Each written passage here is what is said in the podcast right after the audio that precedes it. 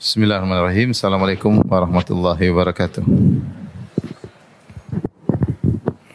Alhamdulillahi ala ihsani wa syukru lahu ala taufiqihi wa amtinani wa asyhadu an la ilaha illallah wahdahu la syarika lahu ta'ziman li sya'ni wa asyhadu anna Muhammadan abduhu wa rasuluhu da'ila ridwani Allahumma salli alaihi wa ala alihi wa ashabihi wa ikhwani.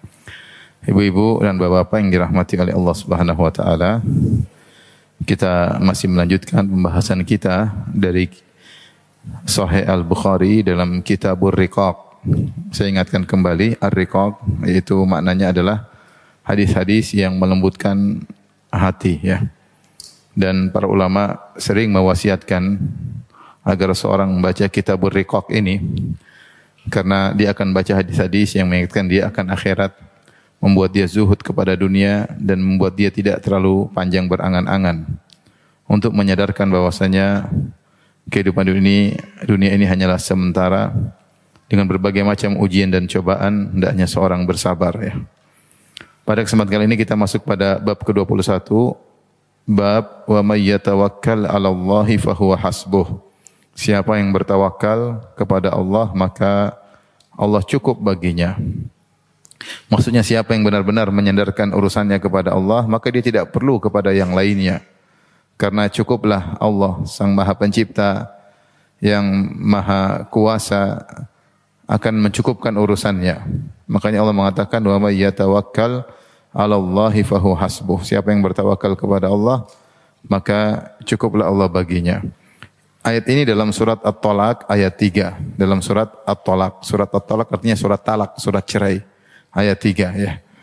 Dan sebelumnya Allah Subhanahu wa taala uh, berfirman, "Wa may yattaqillaha yaj'al lahu makhraja." Siapa yang bertakwa kepada Allah, maka Allah akan berikan solusi baginya.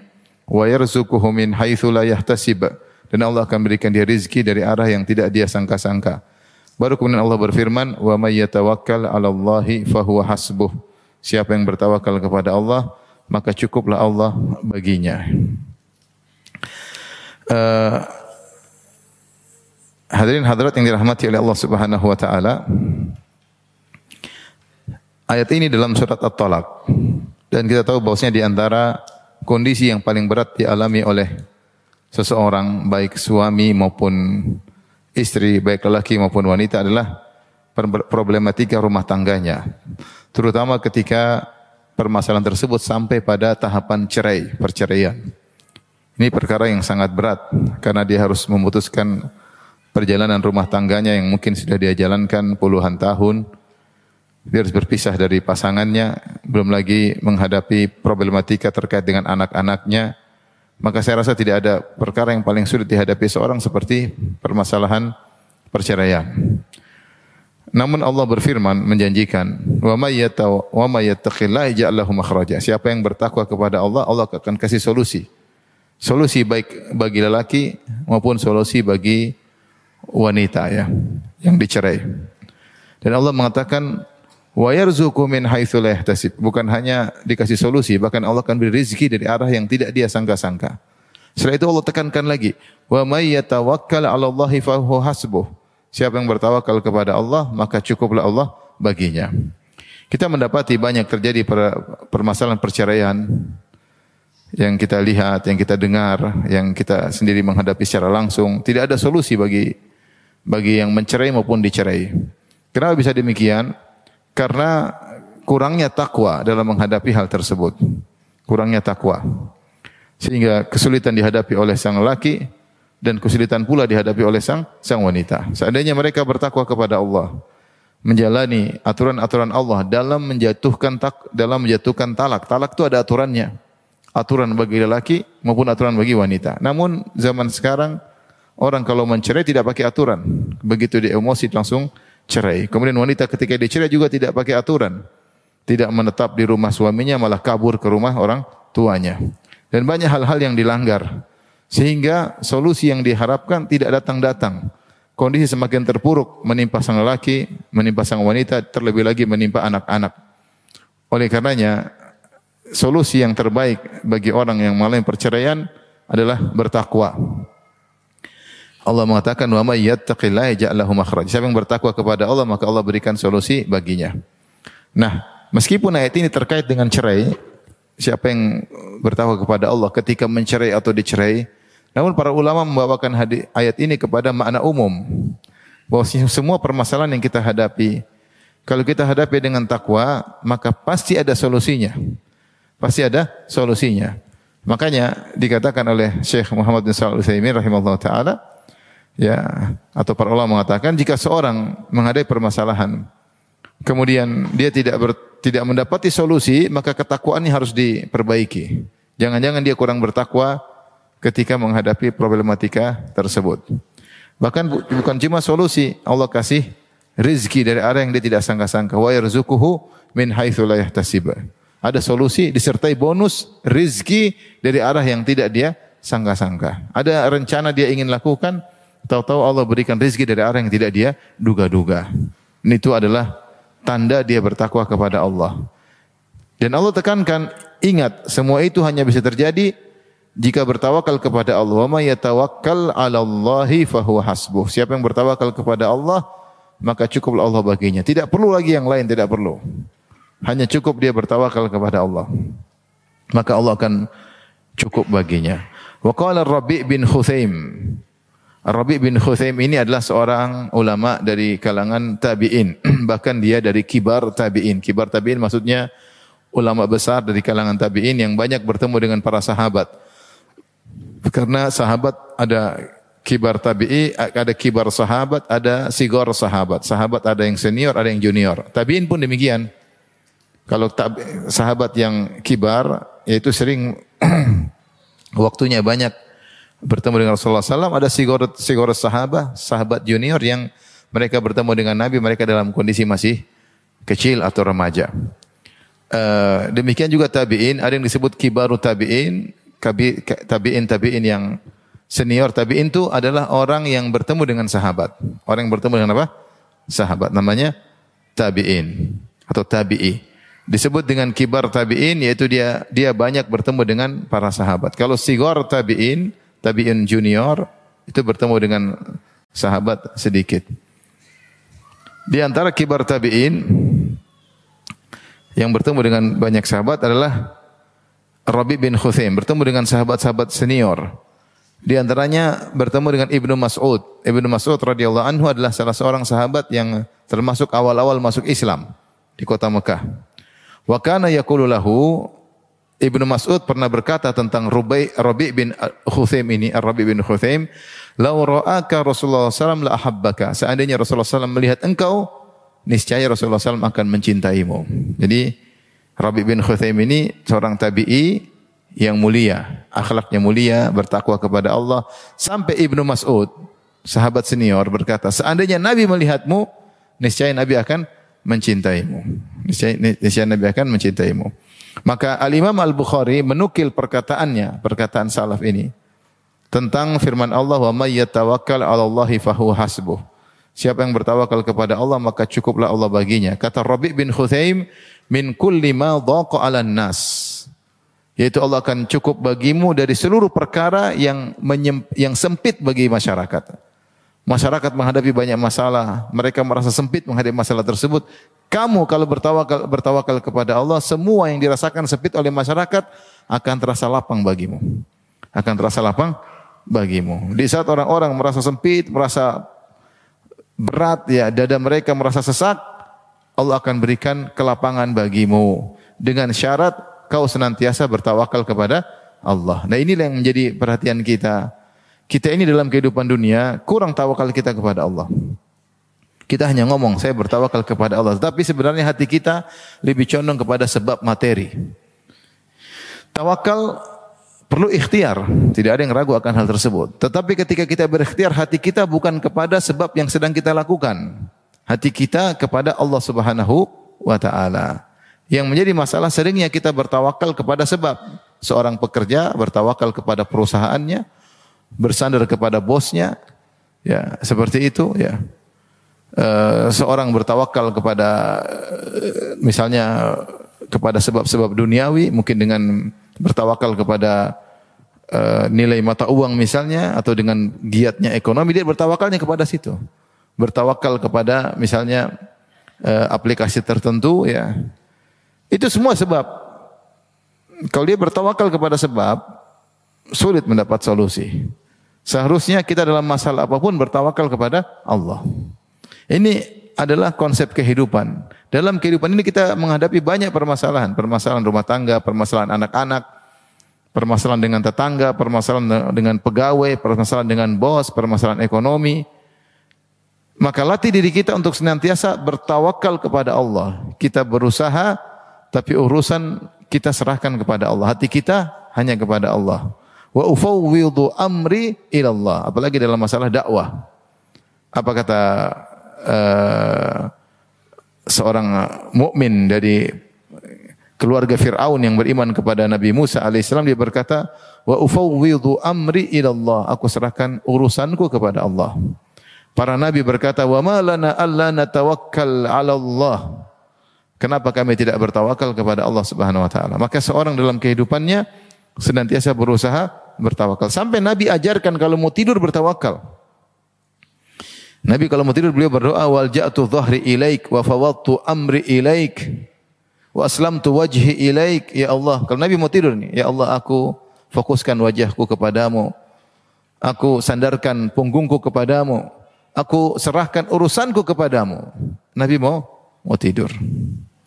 La malja wa manja minka ila ilaik. Tidak ada keselamatan, tidak ada tempat bersandar kecuali engkau. Itu Nabi mau mau tidur. Dalam doa yang lain kata Nabi SAW, Bismillahi, Subhanaka Allahumma Rabbi, bika wada'tu jambi wa bika arfa'uh. Ya Allah, Maha suci engkau dengan sebablah engkau dengan sebab engkau lah aku bisa meletakkan lambungku yaitu bisa tidur dan dengan engkau lah aku bisa bangkit dari tidurku. In amsakta nafsi faghfir laha. Kalau ketika aku tidur, kau tahan ruhku, kau tidak kembalikan lagi dan aku meninggal dunia, maka ampunilah jiwaku.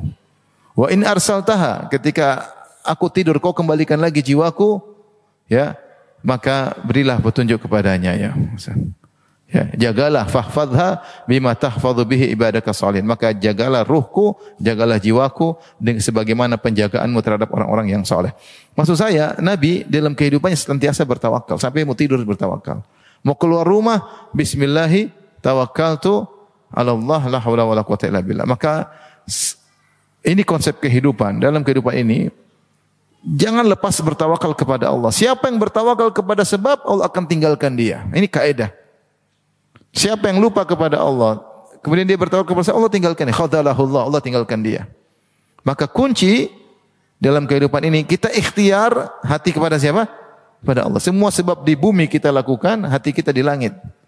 Hati kita di di langit. Dan di antara cara yang paling membantu kita untuk senantiasa bertawakal, hafal doa-doa, hafal doa-doa.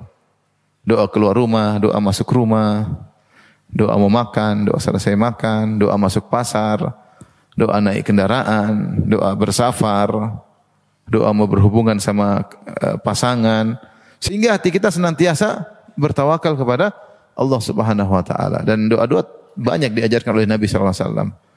Jadi masalah kita sering lalai dari bersandar kepada Allah. Kita mengandalkan sebab yang ada di depan mata kita. Kita andalkan kecerdasan kita. Kita andalkan kepewaian kita, kita andalkan orasi kita, kita andal banyak yang kita andalkan perkara duniawi sehingga Allah tinggalkan kita. Ya. Sehingga Allah tinggalkan tinggalkan kita. Allah sudah jamin, wa may yatawakkal 'ala Allahi fahuwa hasbuh. Siapa yang bertawakal kepada Allah maka cukuplah Allah baginya. Kemudian Al Imam Al Bukhari eh, sebelumnya eh, Bukan berarti menyadarkan hati kepada Allah kita meninggalkan sebab. Tentu tidak ya. Tetapi kita melakukan sebab itu disebut ikhtiar sambil kita uh, menyadarkan hati kepada Allah Subhanahu wa taala. Allah telah menanggung rizki. Kata Allah Subhanahu wa taala contohnya, "Wa ma min dabbatin fil ardi illa Allah rizquha." Tidak ada satu binatang melata pun di atas muka bumi kecuali Allah sudah atur rizkinya, ya. Wa ka'ayyim uh, apa namanya? Wa ka'ayyim min dabbatin la yahmi, la tahmilu rizqaha. Allahu yarzuquha wa iyyakum. Kata Allah Subhanahu wa taala betapa banyak hewan di atas muka bumi tidak mampu mengatur rezekinya. Kita kalau suruh hewan-hewan untuk mengatur rezeki tidak mampu, dia tidak punya kecerdasan. Tapi Allah sudah atur, Allah yang tanggung rezekinya. Allah bikin insting kepada dia, Allah atur, atur sampai dia dapat rezekinya. Kalau kita mau manusia disuruh jadi dia, mungkin nggak bisa, susah. Artinya hewan ke, apa nama kecerdasan dia kurang. Ya. Tetapi kata Allah, wa ka'ayya min dabbatin la tahmilu rizqaha. Betapa banyak hewan yang tidak mampu mengatur rezekinya, Allahu yarzuquha. Allah memberi rezeki kepadanya. Wa iyyakum. Demikian juga kalian manusia. Allah juga beri rezeki kepada kalian. Meskipun Allah sudah menanggung rezeki, bukan berarti seorang duduk di rumah santai-santai, tidak berusaha. Tentu itu tidak benar. Makanya Al-Imam Ahmad dinukil oleh eh, Ibnu Hajar al-Fathul Bari wa qad su'ila Ahmadu an rajulin jalasa fi baitihi aw fil masjid wa qala la a'malu syai'an hatta ya'tiyani rizqi. Imam Ahmad pernah ditanya tentang seorang yang duduk manis di rumahnya atau duduk nongkrong di masjid kemudian dia berkata aku tidak mau bekerja sampai rezeki datang kepadaku dengan alasan tawakal kepada Allah. Rezeki sudah dicatat. Hewan aja dicatat apalagi manusia. Terus ya sudah saya nongkrong aja di di rumah atau nongkrong di masjid, nanti rezeki datang sendiri. Apa jawaban Imam Ahmad? Hadza rajulun jahilul ilm, jahilul ilma. Ini orang bodoh. Orang orang bodoh. Kenapa? Karena semuanya berusaha. Rasulullah saja, Rasulullah SAW saja yang tawakalnya super tingkat tinggi berusaha. Rasulullah SAW, bukankah ajal sudah dicatat? Ya atau tidak? Ajal dicatat enggak? Rizki dicatat enggak? Sebagaimana rizki dicatat, ajal juga dicatat. Tapi Rasulullah SAW ketika perang Uhud, Rasulullah SAW pakai baju perang. Bahkan double, dirak, pakai baju besi, double. Dan dia imamul mutawakkilin, dan imamnya orang-orang paling bertawakal. Tapi berusaha. Bahkan Rasulullah SAW pasang strategi. Pasukan sebelah sini, enggak boleh begini. Ini kan semua usaha. Meskipun ajal sudah ditentukan. Bukan berarti kalau ajal ditentukan kita ya sudah saya berdiri di tengah jalan kalau memang ajal ketabrak mobil. Kalau enggak enggak itu namanya konyol ya. Meskipun ajal sudah ditentukan, seorang berusaha menjaga kesehatannya. Meskipun rizki sudah ditentukan, seorang berusaha mencari rizki. Makanya Ibn Hajar menyebutkan, jangankan manusia, hewan saja ngerti akan hal ini. Rasulullah SAW bersabda, "Lau annakum tawakkaltum 'ala Allah haqqa tawakkulih la razaqakum kama yarzuqut tayr taqdu khimasan wa taruhu bitana." Seandainya kalian bertawakal kepada Allah dengan tawakal yang benar, tentu Allah akan beri rezeki kepada kalian sebagaimana Allah beri rezeki kepada burung. Namun ingat, burung tersebut terbang dalam perut kosong, dalam kondisi perut kosong, balik dalam kondisi perut sudah penuh. Burung tersebut cari rezeki bukan nongkrong di pohon saja, dia terbang. Dia berusaha, dia ikhtiar. Pagi-pagi dia sudah berkicau, sudah ngobrol sama teman-temannya. Kemudian dia terbang berkilo-kilo. Kemudian dia balik bawa makanan buat anak-anaknya. Burung aja yang tidak punya akal tahu kalau namanya cari rezeki harus beru berusaha. Ya. Oleh karenanya tawakal yang benar seorang berusaha tapi hatinya benar-benar bersandar kepada Allah. Jadi problem kita itu masalahnya apa? Kita berusaha tapi hati kita kepada usaha kita. Itu masalahnya di situ. Dan itu adalah salah satu bentuk dari syirik kecil. Bersandar kepada sebab bukan kepada Allah Subhanahu wa taala. Pede dengan apa yang kita miliki, pede dengan kecerdasan kita, pede dengan perangkat yang kita miliki, pede dengan anggota tim kita, pede dengan perusahaan kita. Harusnya kita tahu ini semua sebab yang menentukan akibat siapa? Allah Subhanahu wa taala. Maka marilah kita perbaiki diri kita untuk melatih senantiasa menyerahkan urusan kepada Allah. Minimal kalau kita enggak tahu doa kita bilang bismillah. Bilang apa? Bismillah. Itu ada bentuk tawakal yaitu ya Allah tolonglah aku. Bismillah itu dengan menyebut namamu. Namanya al-isti'anah. Ya, tolonglah aku. Itulah firman Allah, iyyaka na'bud wa iyyaka nasta'id. Hanya kepada Engkau lah kami beribadah dan hanya kepada Allah kami engkau lah kami mohon pertolongan. Kemudian Al Imam Al Bukhari rahimahullah membawakan hadis tentang keutamaan orang yang bertawakal dengan tawakal yang sempurna bahwasanya orang yang bertawakal dengan tawakal yang sempurna masuk surga tanpa adab, tanpa hisab. Masuk surga tanpa adab, tanpa hisab. Jadi ibu-ibu kalau ada masalah sama suami, tawakal sama Allah sambil berusaha, sambil senyum sama suami, sambil pijit-pijit suami, tapi hati ke mana? Kepada Allah. Jangan jangan pede dengan kecantikan ibu-ibu. Jangan pede dengan pijitan ibu-ibu. Kalau Allah tidak merubah kondisi, meskipun cantik, meskipun pandai pijitannya, tetap aja suami ngamuk ya. Oleh karenanya jangan lupa, sebab yang kita miliki kita kerahkan semaksimal mungkin ikhtiar tanpa batas, tapi hati ke mana? Ke Allah. Yang menentukan ini semua adalah Allah. Sehingga kita tidak ujub kalau kita berhasil. Kita tidak ujub kalau kita berhasil.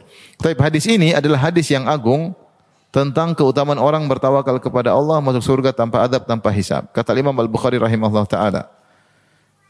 Qala hadatsani Ishaq qala hadatsana Rauh bin Ubadah qala hadatsana Syu'bah qala sami'tu Husain bin Abdurrahman qala Kuntu qa'idan inda Sa'id bin Jubair. Kata kata Husain bin Abdurrahman, saya suatu hari duduk di sisi Sa'id bin Jubair. Sa'id bin Jubair muridnya Ibnu Abbas. Faqala an Ibni Abbasin. Kemudian dia berkata, Ibnu Abbas meriwayatkan, Anna Rasulullah SAW qala Rasulullah SAW bersabda, Yadkhulul jannata min ummati sab'una alfan bi ghairi hisabin. Akan masuk surga dari umatku 70 ribu orang tanpa hisab. Masuk surga tanpa hisab. Siapa mereka? Humul ladzina la yastarqun. Mereka tidak pernah minta untuk diruqyah. Wala yatatayyarun dan mereka tidak pernah bertatayyur. Mengkait-kaitkan nasib sial dengan burung tertentu, hewan tertentu. Wa ala rabbihim yatawa wa ala rabbihim yatawakkalun dan mereka bertawakal kepada Allah Subhanahu wa taala. Di sini Nabi menyebutkan ada sekelompok manusia spesial yang masuk surga tanpa hisab. Masuk surga itu sudah nikmat yang luar biasa. Namun orang masuk surga ada bermacam-macam. Ada yang masuk surga dihisap dulu. Dihisap, setelah dihisap kemudian ditimbang, ternyata amal timbangan kebajikannya lebih berat, lebih berat. Maka dia pun masuk surga. Ada yang masuk surga dihisap dulu, ditimbang, ternyata amal keburukannya lebih berat daripada amal kebaikannya. Namun Allah ampuni. Namun Allah ampuni. Maka dia juga masuk surga. Ada orang yang mau surga tersiksa dulu. Tersiksa ada dua model. Ada tersiksa di sirat. Dalam hadis disebutkan, dia berjalan menuju surga, dia melewati sirat yang sangat panjang, maka tubuhnya tercabik-cabik dengan kalalib dan khototif. Kalalib khototif itu besi yang tajam yang berada di samping sirat, yang mencabik-cabik. Dia punya dosa-dosa. Tapi dosa-dosa tersebut tidak berat, tidak membuat dia masuk neraka. Tapi dia tercabik-cabik sampai terluka-luka, tetapi dia selamat masuk surga. Ada yang lebih parah, masuk surga tapi transit dulu di neraka. Ternyata dosa-dosanya lebih berat daripada kebaikannya dan tidak diampuni oleh Allah Subhanahu wa taala, maka dia transit masuk neraka, kemudian diazab dengan sesuai waktu yang Allah tentukan. Ketika dia keluar disebut dengan jahannami. Ada sekelompok manusia yang masuk neraka dulu baru kemudian masuk surga disebut dengan jahannamiyun, yaitu alma mater neraka jahanam. Kemudian masuk apa? Surga. Pernah masuk di neraka, kemudian masuk surga. Yang paling utama yang ini, masuk surga tanpa dihisap. Tidak dihisap, langsung nyelonong masuk surga. Namun orang-orang tersebut, orang-orang spesial. Di antara ciri utama mereka adalah senantiasa bertawakal kepada Allah. Ya akhi, ya ukhti, Nikmat seorang bertawakal kepada Allah. Dia akan merasakan keajaiban-keajaiban. Selalu Allah bersama dia. Selalu Allah beri kemudahan kepada dia. Sampai ada seorang perkataan salah mengatakan, "Idza kana Allah, idza kana Allahu ma'ak, famiman takhaf." Kalau Allah sudah bersamamu, kau harus kau mau takut lagi sama siapa? Kalau Allah bersamamu, takut kau mau takut sama siapa? Tapi untuk bisa bertawakal menghadirkan Allah selalu bersama kita ini tidak mudah. Ini perlu perjuangan. Seorang kalau merasa dia bersama Allah, dia tenang, menghadapi saja tenang. Saya, saya sudah, hari ini saya sudah sholat subuh, hari ini saya sudah zikir pagi petang, hari ini saya sudah baca Quran, hari ini saya sudah, saya bertawakal sama Allah. Saya keluar rumah, saya baca doa, dia merasa tentram. Orang merasa sempit, dia merasa apa? Tentram. Jadi ada kenikmatan duniawi dia dapatkan dengan bertawakal kepada Allah. Memang akan ada ujian-ujian, namanya hidup ke ujian.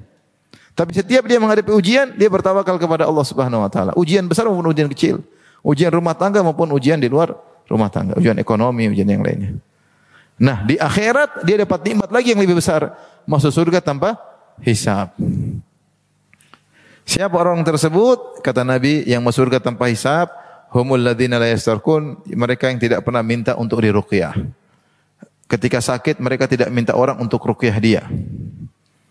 Meskipun minta ruqyah hukumnya boleh, makruh. Makruh itu masih boleh. Tapi dia tinggalkan karena dia tawakal kepada Allah. Kalau mau ruqyah ruqyah sendiri atau istrinya yang ruqyah atau ada orang ruqyah tanpa dia minta tidak apa-apa. Tapi dia tidak pernah mengemis untuk minta rukyah dari orang orang lain. Kenapa dia bersandar kepada Allah Subhanahu wa taala? Ini ciri pertama yang mau surga tanpa hisab. Ciri kedua, wala yatatayyarun, tidak pernah mengkait-kaitkan nasib sial dengan apa yang dilihat, dengan apa yang didengar. Tidak pernah mengkaitkan nasib dia pergi atau tidak pergi dengan toke, toke pergi, toke tidak, toke pergi. Ini tidak ada seperti itu. Tidak ada kaitan dengan nasib sial dengan apa yang burung tertentu. Kalau zaman dahulu orang-orang Arab jahiliyah kalau mau ke mana, mau pergi kegiatan, mereka pergi ke se, se, se, se, apa, sejenis burung tertentu, kemudian mereka usir. Kalau burungnya terbang ke sebelah kanan, mereka lanjut. Kalau burungnya terbang sebelah kiri, mereka nggak jadi pergi. Ini namanya mengkaitkan nasib dengan apa? Burung. Burung juga bingung. Ini orang ngapain sama saya? Kalau burung bisa bicara dia juga bingung. Kalian punya otak malah enggak digunakan. Saya yang enggak punya otak malah suruh menentukan pilihan. Makanya kebodohan ya. Lebih bodoh lagi zaman sekarang mengkaitkan nasib sial dengan angka 13. Bodoh ya. Angka 13 sial. Saya pernah juara cerdas cermat waktu SMA gara-gara angka 13. Pertanyaan penentu jawabannya 13. Akhirnya juara satu. Angka 13. Dibilang sial ternyata tidak selalu dan tidak tidak ada hubungannya dengan kesialan maupun keberun, keberuntungan. Dan beberapa beberapa waktu lalu saya naik pesawat kursinya 13F, masya Allah. Biasanya pesawat tidak ada kursi angka 13. Kali ini ada pesawat angka 13, pesawat Transnusa. Saya masih foto apanya sini. Ya. Sebagai bukti saya pernah naik pesawat di kursi nomor 13. Nih Pak, lihat ya, 13 F kan? Benar enggak? 13 F. 13 Firanda. Lihat. Ada lagi angka 4, angka sial. Sehingga lantai ditulis lantai nomor satu, lantai dua, lantai tiga, lantai tiga A, lantai lima. Subhanallah, lantai empat nggak ada. Saya punya anak enam, anak pertama, anak kedua, anak tiga, anak tiga A, anak kelima, anak ke enam. Bikin susah orang ya. Mau nikah, kamu lahir tanggal berapa? Malam Jumat Kliwon tanggal 7. Kamu lahir tanggal berapa? Kamis Pahing. Dihitung-hitung, oh kamu nggak boleh nikah sekarang. Nikah 4 6 bulan lagi. Menyusahkan orang. Sudah kebelet pengen nikah suruh tunda lagi 6 6 bulan. Repot. Ini semua disebut dengan tatoyur dan betapa banyak tatoyur tersebar di masyarakat.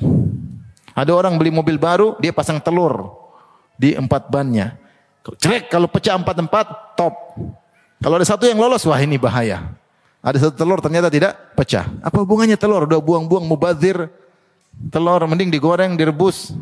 Ini diinjak sama ban. Telur ini kalau bisa bicara, goblok ini yang punya apa? Yang punya. apa hubungannya mengkaitkan nasib sial dengan telur, dengan burung, dengan angka?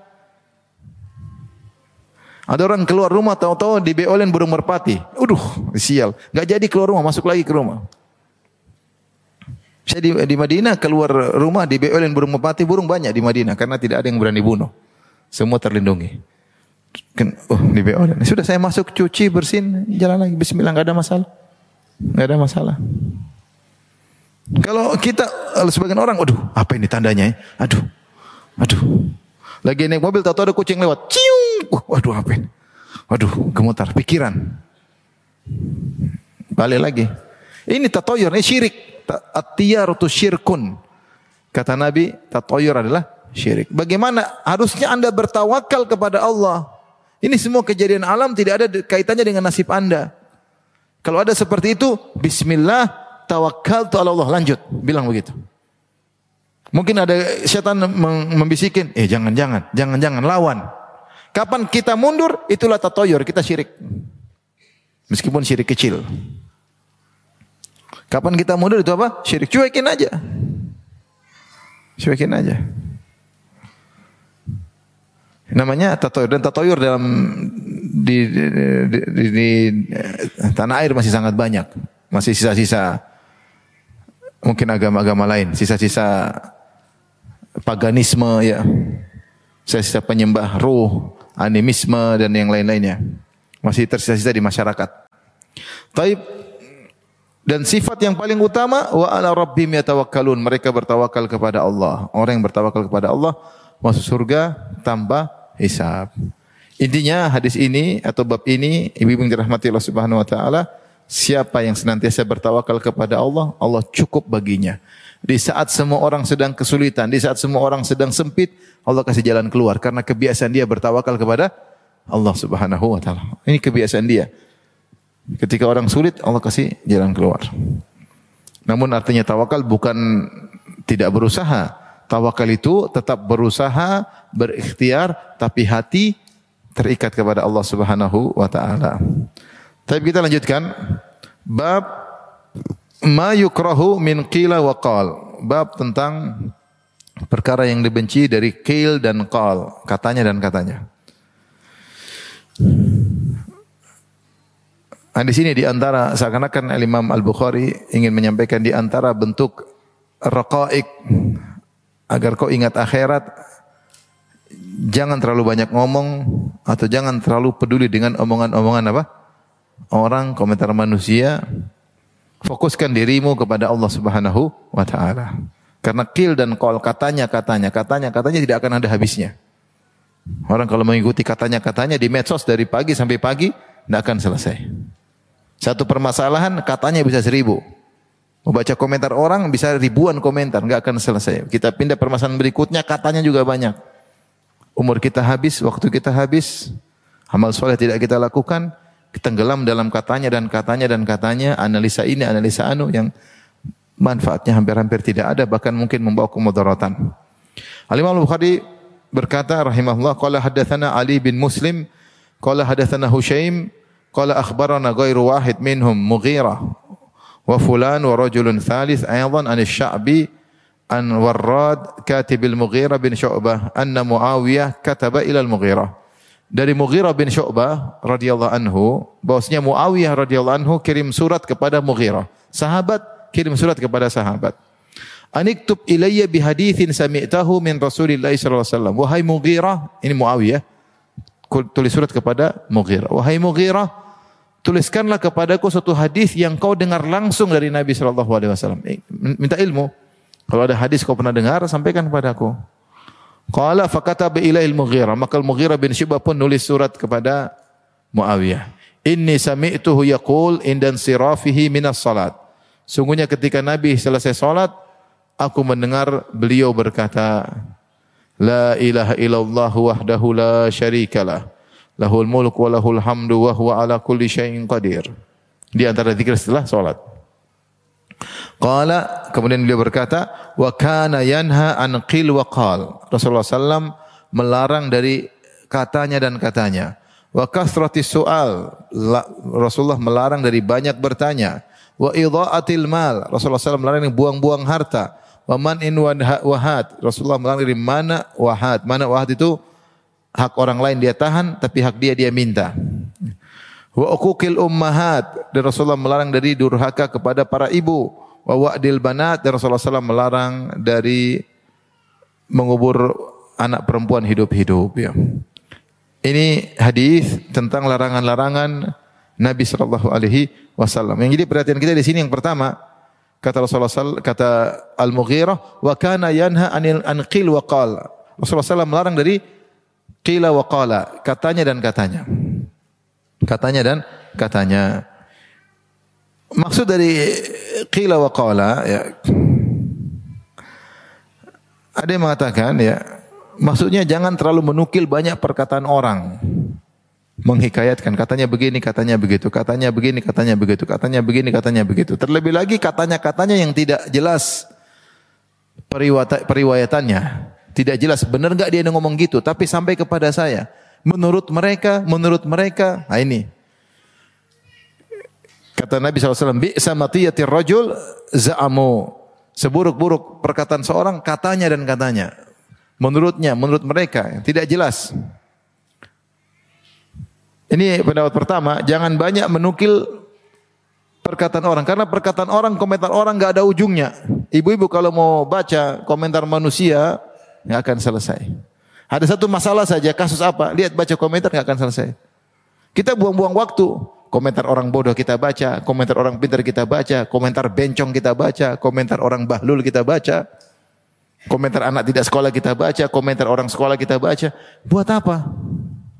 Ada keasikan, iya keasikan. Karena setan senang kita buang-buang umur kita. Setan senang kita kita buang umur kita. Kita baca satu masalah komentar, aduh, buang-buang umur. Baca Quran gak sempat, zikir gak sempat. Makanya Rasulullah melarang terlalu banyak menukil perkataan manusia. Kalau nggak perlu nggak usah. Ini pendapat pertama di antaranya.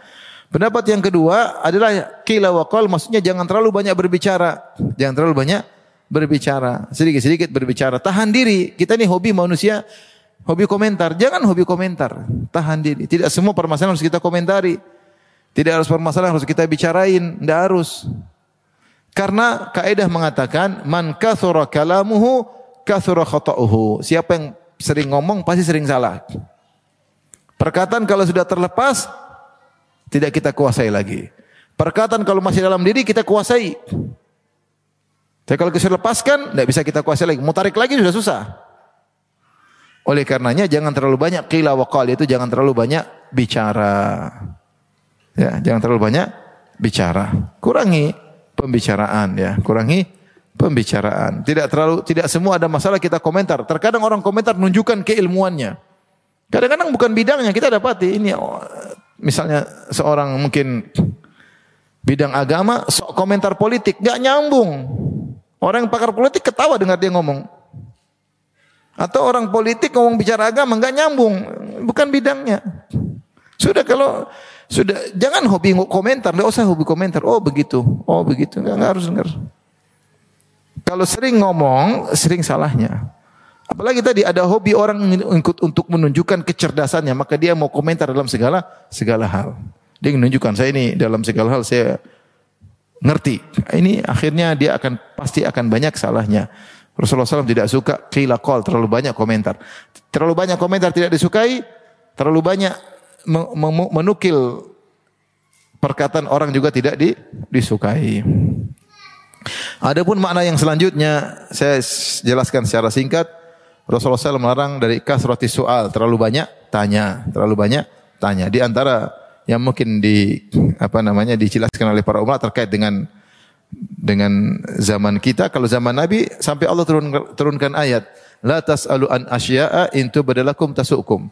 Wahai para sahabat jangan terlalu banyak bertanya. Khawatir kalau diungkapkan akan membuat kalian tidak senang. Artinya zaman syariat bisa jadi karena banyak tanya yang tadinya halal jadi haram. Maka dilarang di zaman Nabi SAW. Nah, ternyata setelah Nabi wafat juga ada larangan terlalu banyak tanya. Apa maksudnya? Larangan banyak tanya setelah Nabi uh, wafat. Nah, soal dalam bahasa Arab ada dua. Soal atau masalah, soal dan masalah itu maknanya sama. Masalah bisa artinya minta-minta, masalah bisa artinya bertanya. Maka larangan Nabi jangan terlalu banyak minta sama orang. Hukum asalnya seorang tidak minta-minta kepada orang lain. Hukum asalnya seorang mencukupkan dengan dirinya sendiri. Ya. Wa man istaghna aghnahullah. Siapa yang merasa berusaha mencukupkan diri maka Allah akan buat dia cukup. Seorang berusaha tidak minta pada orang lain. Bahkan para sahabat pernah membaiat Nabi SAW Allah yas'aluna nasa syai'an mereka membaiat Nabi kami tidak bakalan minta apa pun kepada orang lain sampai ketika mereka naik onta kemudian cemetinya jatuh ke bawah mereka tidak bilang orang tolong ambilkan enggak mereka turun sendiri untuk apa ambil Kenapa? Semakin kita sering minta sama orang, semakin banyak hutang budi kepada pada dia. Dan semakin kita banyak hutang budi kepada orang lain, tauhid kita bisa jadi berkurang. Tauhid kita bisa jadi ber, berkurang. Maka seorang berusaha tidak minta-minta kepada orang lain semaksimal mungkin. Kecuali keperluan mendesak tidak jadi masalah. Mendesak sesekali, Kata Rasulullah mengatakan jangan terlalu banyak minta. Berarti kalau sesekali boleh. Sesekali boleh. Semakin tidak meminta kepada orang lain, semakin baik. Semakin kita sering minta sama orang lain, semakin punya utang budi sama orang, kita semakin direndahkan. Semakin di, direndahkan. Ya. ya. Apa kata Ibn Taimiyah rahimahullah ta'ala? Ihtaj ila man syi'ta takun asirahu. Ya. Butuhlah kepada siapa pun, jadilah kau tawanannya. Jadilah kau, kau butuh sama orang, kau jadi tawanan dia. Wastagni aman syi'ta takun nadhirahu. Cukupkan diri tidak perlu sama orang kau jadi sejajar dengan dia. Ada orang miskin punya teman orang kaya, tapi miskin nggak pernah minta-minta. Sang kaya pasti juga hormat sama dia. Teman aja saya nggak pernah minta sama dia. Kau ngapain? Saya ngapain tunduk sama dia? Saya nggak pernah minta sama dia. Saya nggak pernah butuh sama dia. Kapan kita mulai butuh sama orang, kita jadi tawanannya. Ya. Wa ahsin ila man syi'ta takun amirahu dan berbuat baiklah kepada orang lain, kau jadi amir baginya. Ini kaidah kehidupan. Jadi jangan sering-sering kita minta sama orang lain, sering-sering minta sama orang, ya ukhti minta lagi, ya ukhti minta lagi, dan enggak. Sesekali boleh kalau dalam kondisi terdesak karena Allah menyuruh kita saling wa ta'awanu 'alal birri wa taqwa. Saling tolong dalam kebaikan dan ketakwaan. Tapi kalau sering-sering tidak boleh. Kemudian di antara makna kasrati soal menanyakan dalam masalah fikih pertanyaan yang belum terjadi. Bagaimana kalau begini? Bagaimana kalau begitu? Ustaz ditanya, Ustaz bagaimana kalau begini? Bagaimana kalau begitu? Bagaimana kalau begini? Kalau ada begini bukan? Sudah terjadi enggak? Belum. Seandainya Ustaz, sudah enggak. Nanti kalau terjadi baru telepon. Sampai berlebihan bertanya bagaimana kalau kita dapat dinosaurus kemudian kita sembelih. Hukumnya haram enggak makan daging dinosaurus? Kau tangkap dulu baru telepon saya. Ada yang tanya, Ustadz, dulu saya pernah diceritain sama seorang Ustadz, dia bilang ada yang tanya sama saya, Ustadz kalau saya tiba di rembulan, saya sholatnya menghadap mana? Kata Ustadz tersebut, zaman dulu, kalau kau sampai rembulan, SMS saya, saya kasih tahu jawabannya. Yang tanya kerja di pasar bukan astronot. Kalau astronot yang tanya mungkin kita jawab. Yang kerja di pasar nggak bakalan mengalami hal tersebut, tidak ada circle juga dengan astronot, ngapain tanya-tanya? Begitu ya. Enggak perlu enggak usah tanya. Masih banyak yang perlu yang kau harus tahu. Yang tidak perlu enggak usah tanya. Namanya fuduli, ya. hal yang tidak perlu ditanyakan. Di antara makna kasratus soal dilarang banyak tanya adalah tanya kondisi orang lain, kepo. Gimana gini? Gimana ini? Gimana itu? Pingin tahu urusan apa? Orang. Ada orang punya penyakit seperti itu. Kamu kok bisa begini ya? Kok bisa begini ya? Kok bisa ya? Kok Subhanallah. Tidak boleh korek-korek urusan apa orang? Orang lain. Eh, ente urusanmu sendiri selesaikan. Ngapain korek-korek urusan orang? Orang lain. Sampai saya sudah sering cerita ada yang ada yang ada seorang dia sering minum kahwa, kopi Arab, dia minum minum minum terus. Akhirnya ada yang tanya, "Ya akhi, saya lihat kau minum kopi banyak sekali." Kenapa sebabnya? Kata orang yang minum kopi banyak, dia bilang kakek saya dulu umurnya lebih dari 100 tahun. Kenapa? Dia tidak pernah tanya-tanya orang seperti kamu. tanya terus, tanya urusan lihat orang. Yang terlalu kepo sama urusan. Kalau bahasa Arab namanya fuduli. Pingin tahu aja urusan orang. Kalau ada ibu-ibu dan ibu banyak yang seperti itu ibu-ibu yang fuduli. Tegur, eh udah bukan urusan kamu udah. Urusan urus, suami mau urus nggak selesai-selesai. Ngurusin suami orang, ngurusin suami saya. Kamu urus dirimu sendiri. Mau urusin sana, mau urusin sini. Karena kalau terlalu banyak kepo, ini bikin masalah nanti. Dia buang-buang umur, dia komentar, nanti kalau dia tahu dia gibah, mungkin dia ngapain? Habis waktu, udah kamu urus dirimu sendiri. Ya. Kalau ada penting baru tanya. Kita mau bantu orang kek, tanya oke. Okay. Ini tanya-tanya nggak ada urusan, bantu juga enggak. Ya. Kemudian Rasulullah melarang wa atil mal, buang-buang harta. Buang-buang harta ini banyak bentuknya. Di antara buang-buang harta, beli barang tidak dipakai, ini banyak. Tumpuk barang tidak dipakai. Beli makanan banyak dikumpul, beras tidak dipakai-pakai, akhirnya busuk atau rusak misalnya. Ya, makanan dibeli banyak, simpan di kulkas, ini buang-buang harta. Buang-buang harta. Ya. Jangan seorang menghargai rizki dari Allah Subhanahu wa taala. Ya. Jangan buang-buang harta, jangan buang-buang makanan. Makan secukupnya, beli secukupnya. Masih banyak yang Sampai Rasulullah SAW mengajarkan kita kalau makan kita disuruh jilat jari sunnah agar tidak ada makanan yang tersisa. Sampai yang tersisa jari pun kita makan. Ya. Agar kita menghargai rizki dari Allah Subhanahu wa taala. Kalau antum nggak perlu bagi-bagi, ngapain simpan di kulkas banyak-banyak? Bagi tetangga masih banyak, orang miskin masih banyak. Menurut kamu makanan tidak enak tapi banyak orang merasa itu apa? Enak. Bagi sampai. Jangan sampai simpan-simpan nanti nanti nanti akhirnya rusak. Sudah tidak enak lagi, nggak ada yang ini untuk makan lagi. Namanya buang-buang harta. Di antara buang-buang harta beli perabot terlalu banyak. nggak dipakai. Masuk rumah sudah sempit, sempit dengan perabot. Inilah, inilah, nggak dipakai. Mesin cuci ada dua, tiga, nggak dipakai, dipakai cuma satu. Sekali lebihnya sudah kasih orang lah. Nggak dipakai. Ini namanya buang-buang apa? harta. Nggak boleh. Di antara buang-buang harta, beli barang terlalu mahal. Sama. Ini sudah sering saya sampaikan pada ibu-ibu. Yang punya duit kebanyakan, jangan beli barang-barang mahal. Sama dengan buang-buang apa? Har harta. Manfaatnya sedikit, harganya mahal. Ibu dibodoh-bodohin sama sama orang yang jual barang mahal. Beli tas mahal-mahal sampai ratusan juta. Apa fungsinya? Emang bisa simpan mobil di situ? Enggak. Sama dengan tas yang harga 3 juta, 2 juta, udah oke okay lah. Punya duit banyak loh. 15 juta oke okay lah. Ini beli sampai ratusan juta, sampai ngapain? Ngapain? Belum lagi akibat yang lain, sombong, angkuh dengan benda barang-barang branded tersebut. Ini semua buang-buang harta. Kita semua akan ditanya oleh Allah dari mana kau dapatkan harta tersebut dan ke mana kau habiskan. Di antaranya waman in wahat. Man wahat itu Hak orang dia tahan, tapi kalau hak dia dia minta. Ini hati-hati kalau kita punya muamalah kerja sama pembantu, sama supir, sama pegawai. Jangan kita ayo ayo kerja kerja. Begitu pas gajian kita tahan-tahan, nggak boleh, nggak boleh tahan hak orang lain, nggak boleh. Ya. Sukanya nuntut hak dia tapi hak orang lain dia tahan tidak boleh. Wa ukukil ummahat Rasulullah melarang durhaka kepada para ibu. Apakah durhaka kepada bapak boleh? Tentu tidak boleh juga. Cuma dikhususkan kepada para ibu karena para ibu yang mudah didurhakai. Anak-anak mudah durhaka sama ibu. Kalau sama bapak durhaka digampar sama bapak. Tapi sama ibu, ibu nangis, nurut. Ya makanya kesempatan ibu di durhakai maka Rasulullah larang.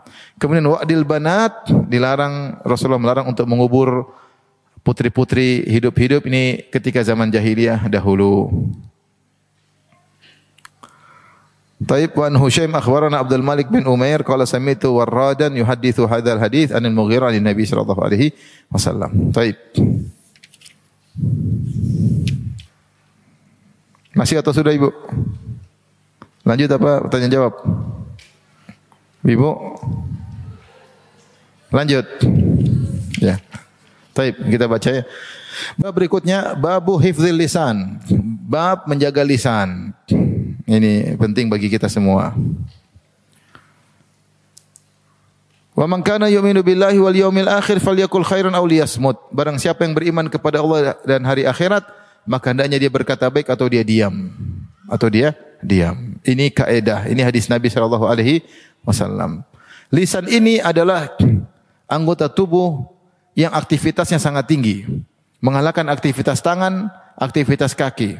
Aktivitas tangan kaki terbatas, baru berapa langkah, baru gerakan ini sudah capek letih. Lisan tidak letih-letih. Bicara sejam, dua jam, ini saya sudah ngomong sudah hampir satu jam, belum letih juga. sudah nyindir ibu-ibu juga nggak letih-letih. Terus lisan itu jangkauannya panjang, jangkauan mengenai orang yang di depan dia, yang jauh, yang sudah meninggal terkena jangkauan lisan. Kalau tangan enggak, Tangannya yang depannya doang, kaki depannya doang, lisan oh, luar biasa. Dan di antara yang mewakili lisan adalah tulisan. Isi hati diungkap dengan dua, dengan lisan dan apa?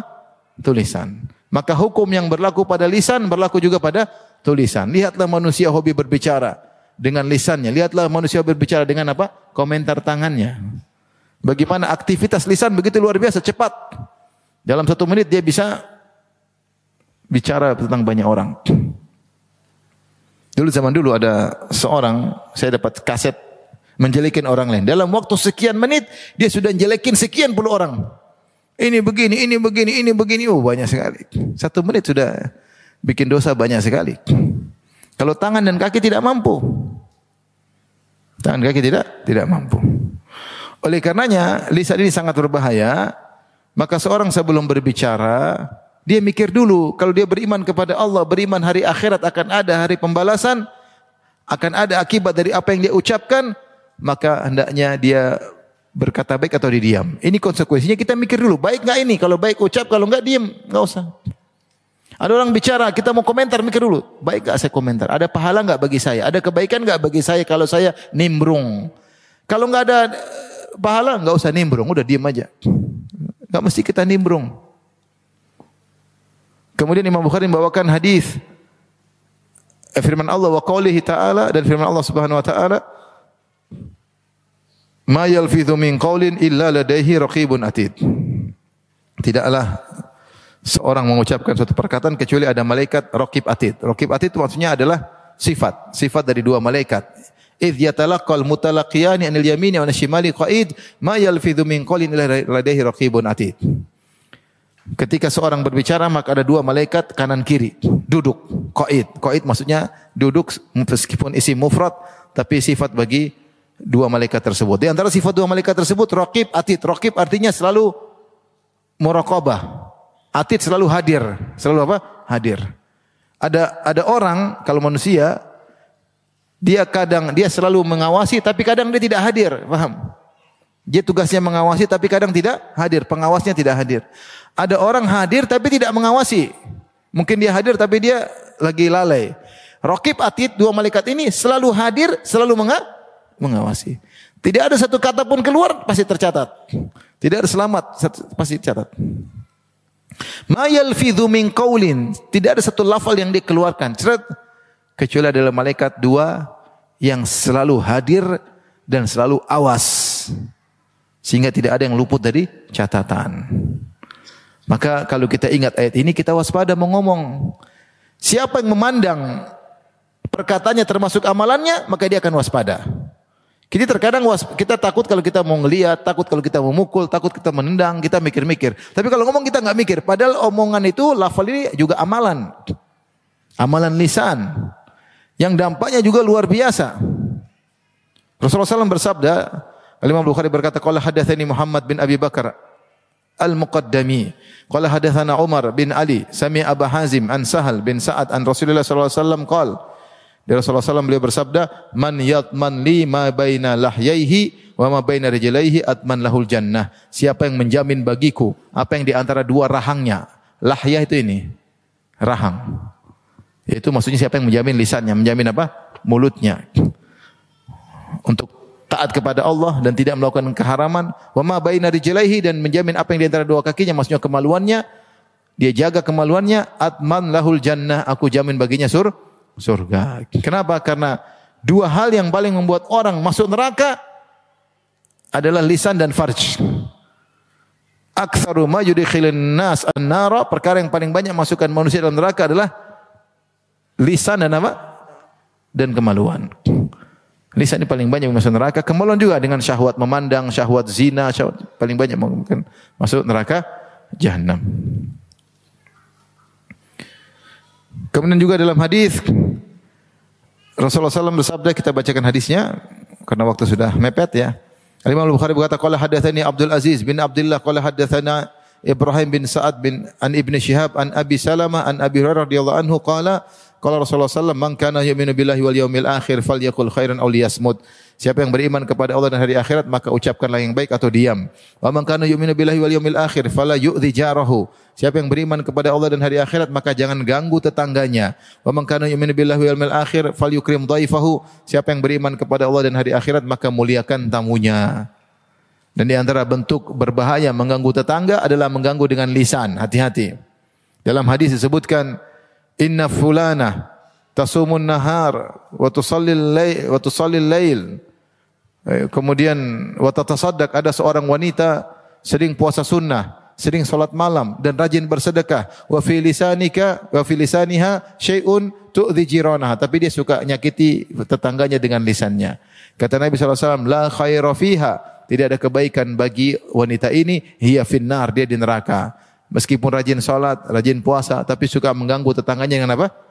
Lisan. Hati-hati, jaga lisan. Maka di sini Rasulullah SAW menekankan kalau beriman kepada Allah dan hari akhirat maka ngomong baik atau diam. Seorang berfikir dulu, jangan asal ceplas-ceplos.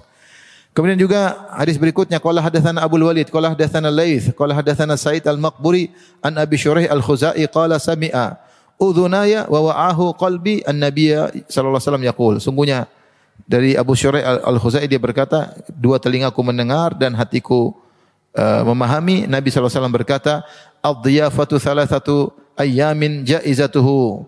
Ya, sungguhnya menjamu tamu itu tiga hari. Jaizatuh yang ya, perhatian apa namanya? Uh, kepada tamu tersebut. Wa ma jaizatuhu. Kemudian apa yang merupakan jaizatuh yaitu perkara yang diperhatikan bagi ketika menjamu tamu yaitu seorang berusaha susah untuk menjamu tamu yaitu yaumun wa lailah yaitu sehari semalam.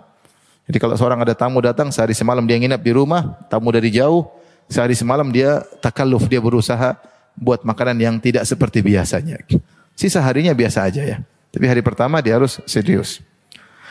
Kemudian beliau berkata, "Wa man kana yu'minu billahi wal yawmil akhir falyukrim dhaifahu." Siapa yang beriman kepada Allah akhirat maka muliakanlah tamunya. "Wa man kana yu'minu billahi wal yawmil akhir falyakul khairan aw liyaskut." Siapa yang beriman kepada Allah dan hari akhirat maka ucapkanlah yang baik atau atau diam. Kemudian Imam Bukhari membawakan bahaya ngomong yang salah. Beliau berkata, "Qala haddatsani Ibrahim bin Hamzah, qala haddatsani Ibnu Abi Hazim an Yazid an Muhammad bin Ibrahim an Isa bin Talhah bin Ubaidillah At-Taimi an Abi Hurairah. Dari Abu Hurairah sami Rasulullah sallallahu alaihi wasallam yaqul. Abu Hurairah radhiyallahu anhu mendengar Rasulullah SAW bersabda innal abda sungguhnya hamba la yatakallamu bil kalimati ma yatabayyanu fiha. Mengucapkan satu perkataan yang dia tidak jelas tentang perkataan tersebut. Yazillu biha fin nari abada mimma bainal masyriq. Maka dia akan tergelincir dalam neraka lebih jauh dari antara timur dan barat Gara-gara mengucapkan satu statement yang dia tidak hati-hati. Maita bin itu tidak hati-hati. Dalam riwayat yang lain kita bacakan qala haddatsani Abdullah bin Munir sami Aban Nadhr qala haddatsana Abdurrahman bin Abdullah yakni Ibn Dinar an abihi an Abi Salih an Abi Hurairah an Nabi sallallahu alaihi wasallam qala innal abda yatakallam bil kalimah sungguh seorang hamba benar-benar mengucapkan satu statement minidwanillahi yang mendatangkan keridhaan Allah. La yulkil habalan dia tidak begitu perhatian sama perkataan tersebut, yarfa'uhullahu biha darajat. Ternyata statement tersebut membuat dia terangkat derajatnya di sisi Allah Subhanahu wa taala. Dan sebaliknya, wa innal abda la yatakallamu bil kalimati min sakhatillah la habalan. Sungguh seorang berucap dengan ucapan statement yang mendatangkan kemurkaan Allah yang dia tidak pedulikan. Yahwi biha fi jahannam membuat dia terjerumus dalam neraka jahannam. Jadi perkataan ini dampaknya luar biasa. Kalau tidak diperhatikan, terkadang bisa membuat orang naik derajat tinggi, terkadang bisa menjerumuskan orang neraka jahannam. Sebagaimana firman Allah Subhanahu wa taala, "Wa tahsabunahu hayyinan wa huwa indallahi azim." Kalian menyangka itu ringan, ternyata di sisi Allah besar. Betapa banyak orang gara-gara perkataannya membuat dia masuk neraka, bahkan terjerumus dalam neraka yang sangat dalam. Maka seorang waspada dalam kehidupan ini jangan terlalu banyak ngomong. Ya. Ketika Rasulullah SAW ditanya, Kultu ya Rasulullah man najat. Aku bertanya Rasulullah apa keselamatan? Apa itu jalan selamat? Kata Rasulullah amsik alaika lisanak. Hmm, pegang lisanmu. Hati-hati di musim-musim maki-maki. Dulu pernah kita masuk dalam musim kampret dan cebong ya. Tidak tahu sekarang musim apa lagi ya. Hati-hati, jaga lisan ya. Eh, berlalu politik berlalu, presidennya terpilih, dosa kita nggak habis-habis. Maka lisan jaga ya.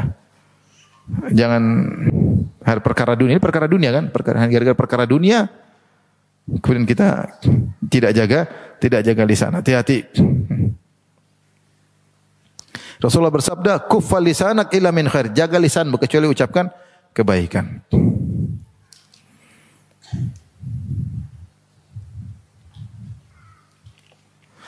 Rasulullah SAW bersabda, "Alaika bitulli somti." Hendaknya perbanyak diam. Fa innahu matradatun li syaitan. Sungguhnya banyak diam itu mengusir syaitan. Rasulullah SAW juga bersabda, "Man samata naja." Siapa yang diam selamat. Siapa yang diam apa? Selamat. Terkadang selamat di dunia dan lebih lagi selamat di akhirat. Terkadang orang ngomong tidak selamat di dunia apalagi di akhirat. Maka hati-hati maka seorang berusaha untuk menjaga lisannya jangan hobi ngomong, jangan hobi bicara, jangan hobi komentar, jangan hobi nimbrung. Ibu-ibu jangan kepo, jangan hobi nimbrung. Kalau bicara mikir dulu. Bicara sama siapa saja mikir dulu. Terutama bicara sama suami, mikir dulu menyenangkan atau tidak. Kalau tidak menyenangkan tidak usah ngomong. Mas saya mau ngomong sesuatu. Ngomong apa? Hmm, nggak jadi deh. Kenapa nggak jadi? Nggak jadi? Kenapa nggak jadi? Nggak jadi? Nggak jadi? Kalau saya ngomong pasti Mas marah. Ngomong aja nggak nggak jadi. Aman, baru ngomong nanti ribut, marah, bikin jengkel suami, nggak usah ngomong. Tapi demikian saja kajian kita. Insya Allah kita lanjutkan pada kesempatan berikutnya bulan depan Insya Allah Taala tentang bab menangis karena Allah Subhanahu wa taala. Tapi demikian saja kajian kita insyaallah kita lanjutkan uh, pada pertemuan berikutnya. Subhanakallah bihamdik asyhadu an la ilaha illa anta astaghfiruka wa atubu ilaik. Assalamualaikum warahmatullahi wabarakatuh.